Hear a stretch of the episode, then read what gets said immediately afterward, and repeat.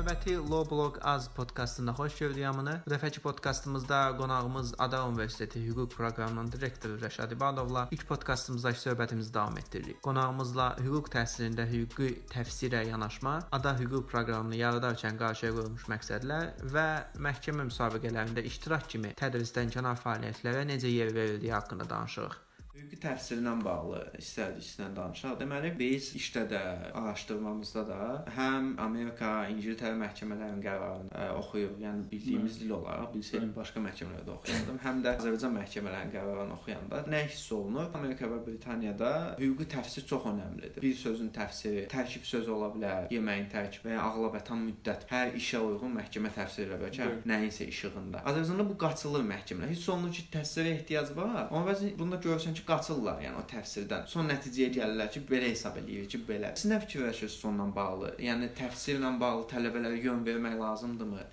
Mən ümumiyyətlə bu siz dediyiniz məsələ biraz ə, e, interpretationın texniki elementləridir. Yəni interpretation deyiləndə biz adətən hansı siyasi hüquqi diskursdan və yaxud da cəryan üzərindən hansısa bir qanunun, konstitusiyanın özü belə buna daxildir, şərhini nəzərdə tuturuq. Yəni interpretation, yəni mənim başa anladığım, oxuduğum ə, belə deyək formada bu belə nəzərdə tutulur. Yəni siz bilməlisiniz ki, konstitusional şərh hansı formada aparılır və bütün şərhlər ona uyğun aparılmalıdır. Yəni siz əgər constitutional interpretation-ı bilmirsinizsə və constitutional interpretation-da adətən tutaq ki, tətbiq olunur originalist metodologiya və yaxud da teleological metodologiya tətbiq oluna bilər, hansı ki, müəyyən original rule-a belə deyək, əlavə və yaxud da yeni bir original rule üzərində yeni bir qayda yaradıla bilər şərh nəticəsində. Yəni mənim bildiyim, düşüncəm budur ki, constitutional interpretation-ı bilmədən hər hansı bir şərhi aparmaq qeyri-mümkündür. Çünki hər şey onun üzərində bağlanmalıdır qurulmalıdır. Bu piramida şəklində qurulmalıdır. Yəni bütün qanunların şərhi konstitusiyadan başlamalıdır və constitutional interpretation tələbə bilirsə, o onun üzərində başqa qanunların şərhini apara biləcək. Çünki apardığı şərh konstitusiyaya uyğun olmalıdır o mənada. Hə, başlanğıc nöqtəsi. Bəli, başlanğıc nöqtəsini bilməlidir. O, o şərhi bilməlidir. Məsələn, Amerikada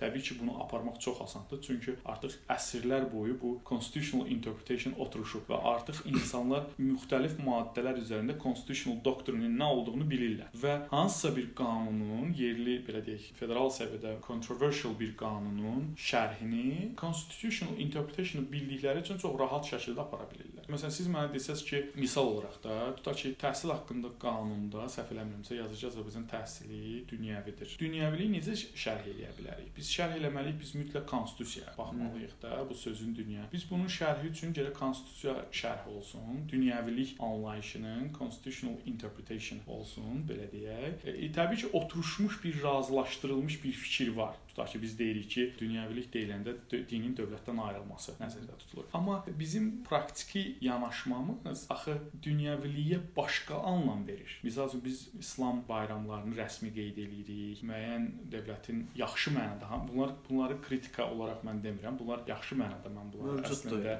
mövcud praktikanı deyirəm, fakt olaraq deyirəm. Məsələn, dövlətimiz kifayət qədər pul ayırır dinlərin, Azərbaycanda müxtəlif dinlərin e, maliyyələşdirməsindən bağlı. Və bu da yaxşı bir şeydir əslində, amma dünyəvilik konseptində hansı ki, o bizim oturmuş düşüncəmizdə var ki, dövlət dindən ayrıdır. Müəyyən qədər bəzi e, insanlarda belə deyək, contradiction fikri yarada bilər. Biz ona görə constitutional interpretation olsa bizim o dünyəvilik kontekstində nədən söhbət gedir? Biz o qanunların şərhini də apara bilər. Və yaxud da 7-ci maddədə 7.1-də bir demokratik anlayışı var. Demokratiya. Biz Azərbaycanın demokratik dövlət olduğunu bilirik, amma yəni bu konstitusiya amma bu demokratiklik anlayışının bir izahı olmalıdır constitutional discourse-da, constitutional interpretation-da. Çünki siz əgər onu tam şəkildə dərk eləsəz, o biz dərk eləyə bilsək, o nə deməkdir Hı -hı. əslində. Biz ya, növbəti qanunla hansısa bir qanunun hansısa bir maddəsinə şərh verərkən onu nəzərdə tutmaq, o constitutional interpretation perspektivindən biz ona çıxış eləməliyik. Deməyi bacarmalıyıq. Yoxsa bizim hansısa bir məsələnin, hansısa bir maddənin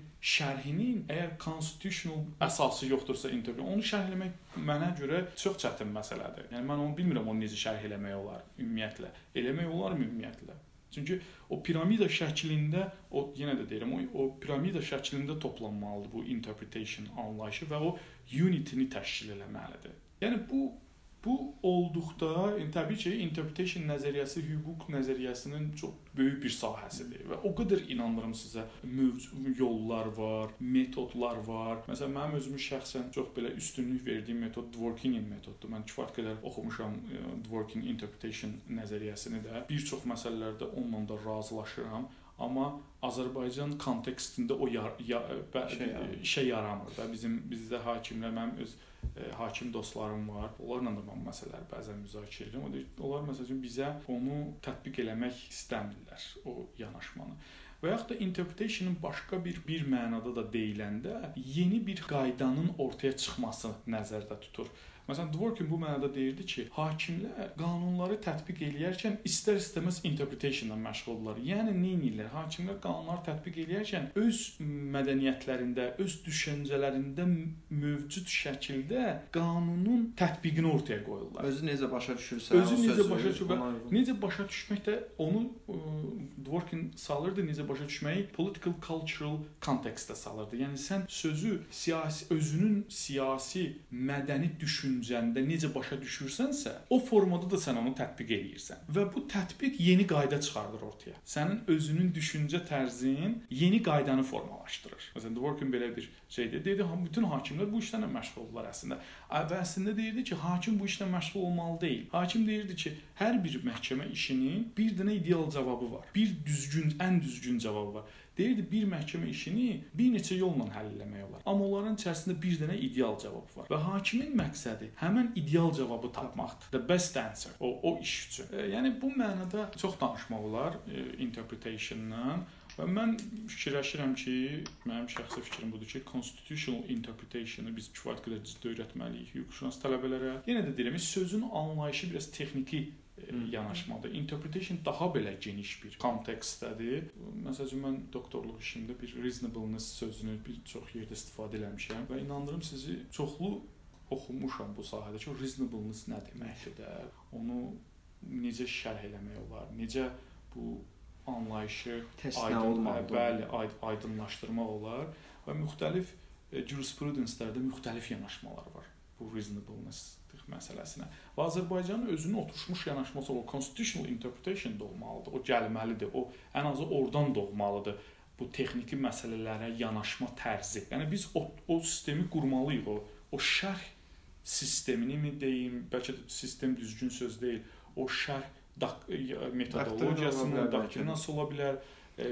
Onu biz konstitusiyadan tapıb çıxartmalıyıq və onu Konstitusiya məhkəməsinin bu məsələdə rolu böyükdür və Konstitusiya məhkəməsi onu ortaya qoymalıdır. O constitutional interpretation. Constitutional interpretation da həyata keçirmək üçün birinci cavab vermək lazımdır constitutional identity. Konstitusional kimlik, bu dövlətin kimliyi nədir? Constitutional identity. Onun üzərində constitutional interpretation qurulur və bütün hakimlər də və yaxud da qanunu yazan adamlar, draft edən insanlar da o konteksti nəzərə alır qanunları tətbiq eləyərkən, şərh verərkən və s. və ilə axır.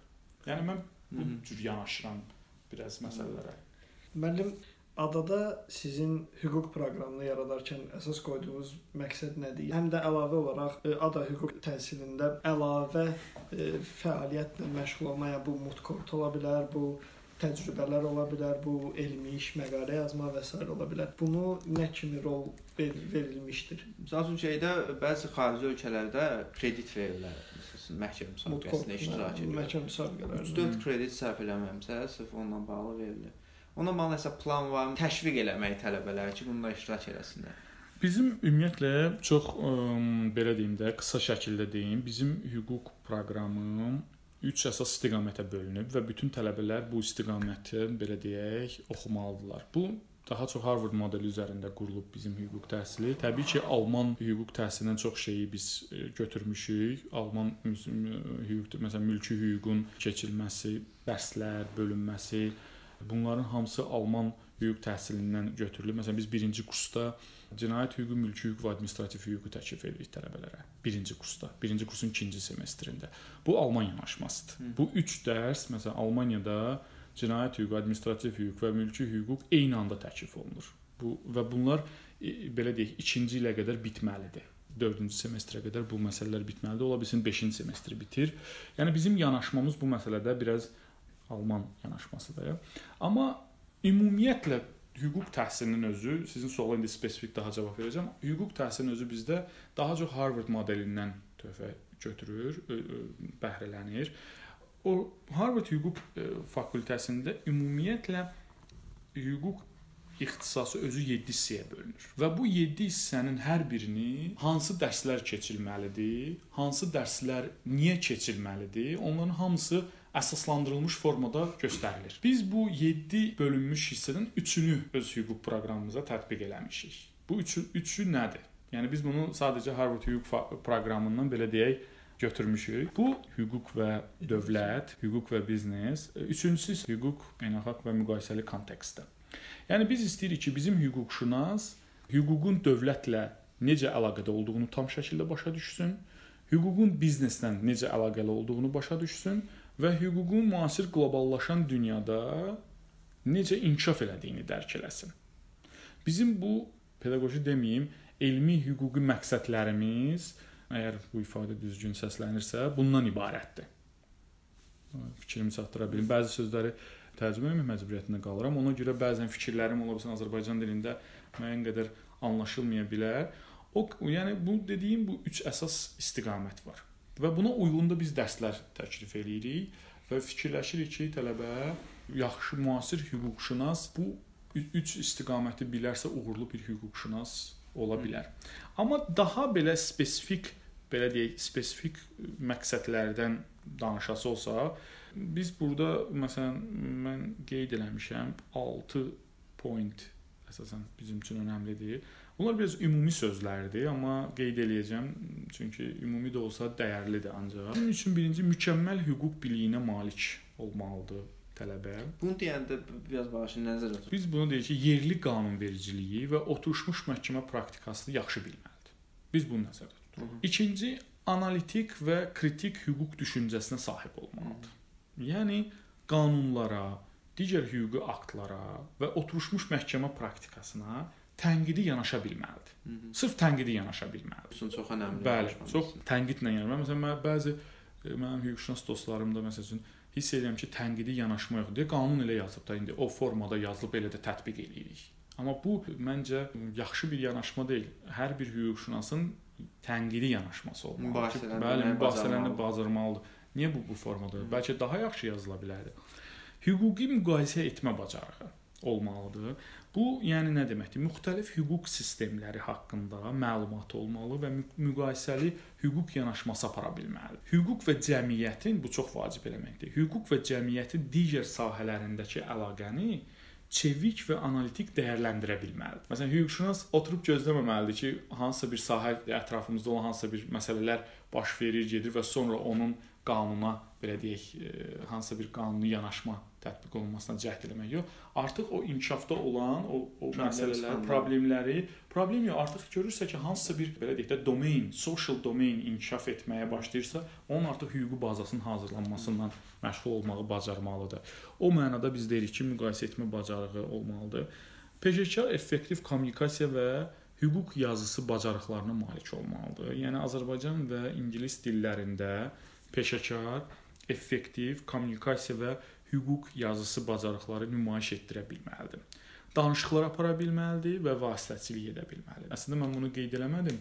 Bizim e, hüquq klinikası tərkibində əsas elementlərdən biri biz istəyirik ki, hüquqşünaslara negotiation aparmaq qabiliyyətləri, keyfiyyətlərini öyrədək. Çünki dünya müasir dünyada negotiation skills-lər çox vacibdir. Məsələn, mən Azərbaycanda çox az hüquqşünas görmüşəm ki, məsələn, negotiation apara bilir. Yəni siz onu xarici hansısa bir şirkətə göndərəsiz, bir müəyyən bir tapşırıqla, o orada çox ciddi danışıqlar apara bilər.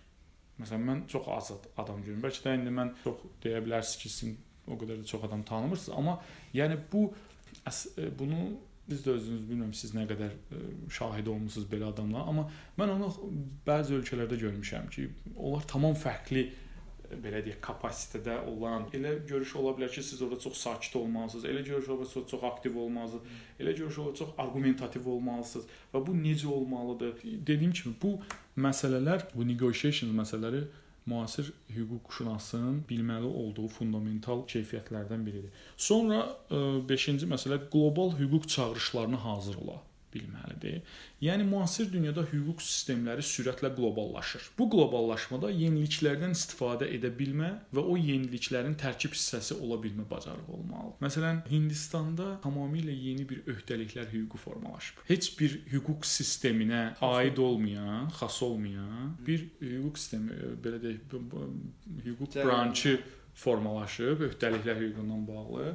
Müxtəlif şirkətlər öz müqavilələrində belə deyək, başqa ölkələrin öhdəlik hüququnun tətbiqini belə deyək, yazıblar. Biri İngiltərə yazıb, biri Amerika yazıb, biri Sinqapuru yazıb, biri Avstraliyanı yazıb, biri və s.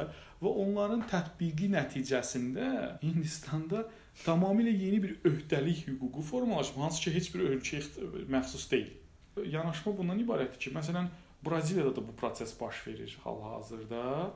E, Çində bu ola bilmir, çünki Çin daha qapalı bazardır. Hindistan çox azad bazardır və bu azad bazarda və yeni bir tamamilə yeni bir sahə belə deyək e, formalaşır. E, bir neçə ay bundan əvvəl mən bununla bağlı Harvard Law School-un reportunu oxuyurdum. Global Global Legal Education reportunu oxuyurdum və həmin reportda bunları oxuduqca adamın həqiqətən çox maraqlı məsələlər form fikirləşirsən ki, və gör hüquq necə qloballaşmağa başlayıbdı və bu kontekstdə biz istəyirik ki, müəyyən mənada Azərbaycanlı e, hüquqşünaslar bu keyfiyyətlərə, biliklərə malik olsun. Məsələn bizim e, düzdür, mənim kolleqalarım e, mənimlə razılaşmır bu fikirlə, amma mən fikirləşirəm ki, Azərbaycanlı hüquqşünas hüquq fakültəsində biz həm də onlara məsələn tədris eləməliyik. Türkiyə hüququna giriş, Rusiya hüququna giriş Hı -hı. və İran İslam Respublikası hüququna girişi. Çünki bizim Azərbaycan dövləti kiçik bir dövlətdir, yəni ərazi baxımından və bazar kiçik bazardır və bizim iqtisadi əlaqələrimiz Rusiya, Türkiyə və İranla kifayət qədər böyükdür və bu bazar inkişaf elədikcə biz ciddi surətdə inteqrasiya oluruq hmm. Türkiyə bazarına, Rusiya hmm. bazarına.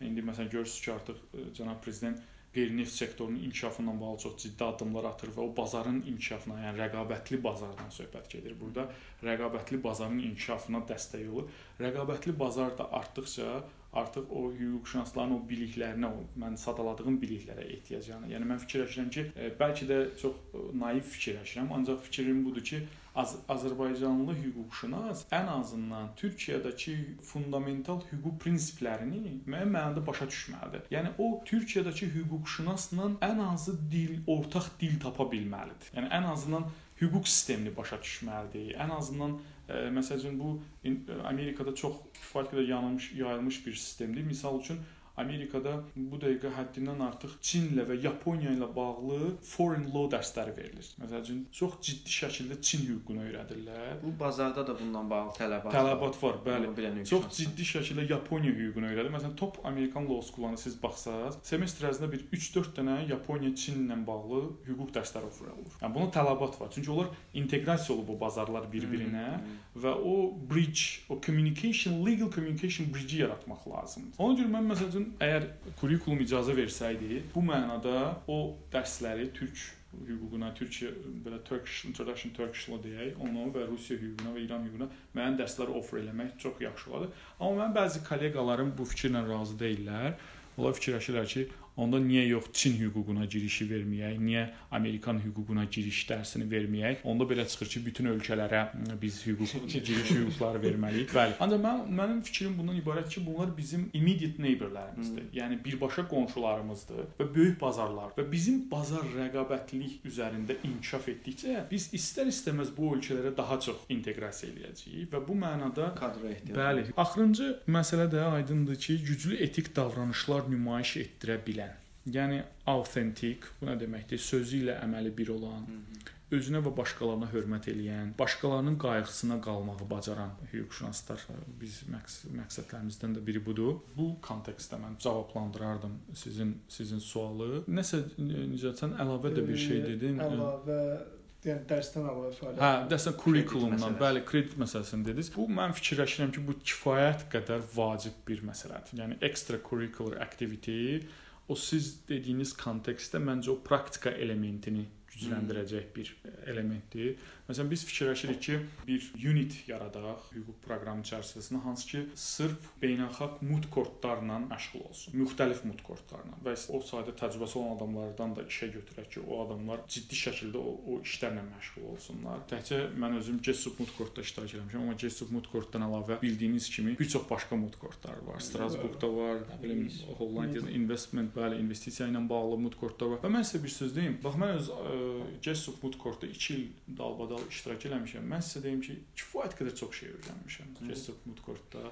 Bəlkə də universitetdə heç bir dərsdə öyrənmədiyim qədər informasiyanı o mutkortlarda və çox mən mənə çox onun xeyri dəyib o məsələləri, o, o mutkortların. Ona görə bizim hüquq proqramının ayrılmaz tərkib hissəsidir. Təəssüf hissə qeyd eləməliyəm ki, biz ona kredit verə bilmirik hələ ki. Çünki bizim hələ limitiddir. 240 kredit var evet. bizim ADA hüquq proqramında və bu 240 kredit 40 dərs demək. Hər bir dərsin bizdə hüquq proqramında equal weight-i var. Yəni bərabər çəkisi var. Akademik çəkidən söhbət gedir. Hamısı 6 kreditdir. İndi bu nə dərəcədə doğrudur, yanlışdır, bu başqa bir sualdır, amma bu belədir. Qayda belədir. ADA Universitetinin qoyduğu qaydadır bu və bu qayda çərçivəsində biz 40 dərs offer eləyə bilərik. Və bu 40 dərsdən 33 dərs hüquq dərsidir 7 dərs qeyri-hüquq dərsi. Və bu çərçivədə biz daha artıq belə extracurricular aktivitetləri biz kreditə sala bilmirik. Amma məsələn mən özüm London Universitetində master eləmişəm. Məsələn Jessup Mutcourt bizdə kredit idi və mən onu götürmüşəm. Transkriptimdə Jessup Mutcourt dərsi var. Yəni, kredit olaraq mən o dərs mənim transkriptimdə var. Bu qədər. Sağ olun Rəşad müəllim. Çox, çox sağ olun. Mən bu də... ağır iş həftəsində bizə vaxt ayırdınız. Yəni çox xoş oldu. Mən də sizə belə nətər deyim, yaradıcılıq işlərində siz də işləyirsiniz bilirəm. İşdən çıxmısınız, gəlmisiniz biz burada bu bu hansısa bir mənada Azərbaycan hüquq ə, e, belə deyək cəmiyyəsinə töhfə vermək istəyirsiniz. Ona görə mən sizə həqiqətən səmimi, çox səmimi şəkildə minnətdarlığımı bildirirəm. E, əslində bu akademiyada birbaşa işləyən adamların işi olmalıdır. Siz birbaşa akademiyada işləmirsiniz mən bildiyim qədərilə.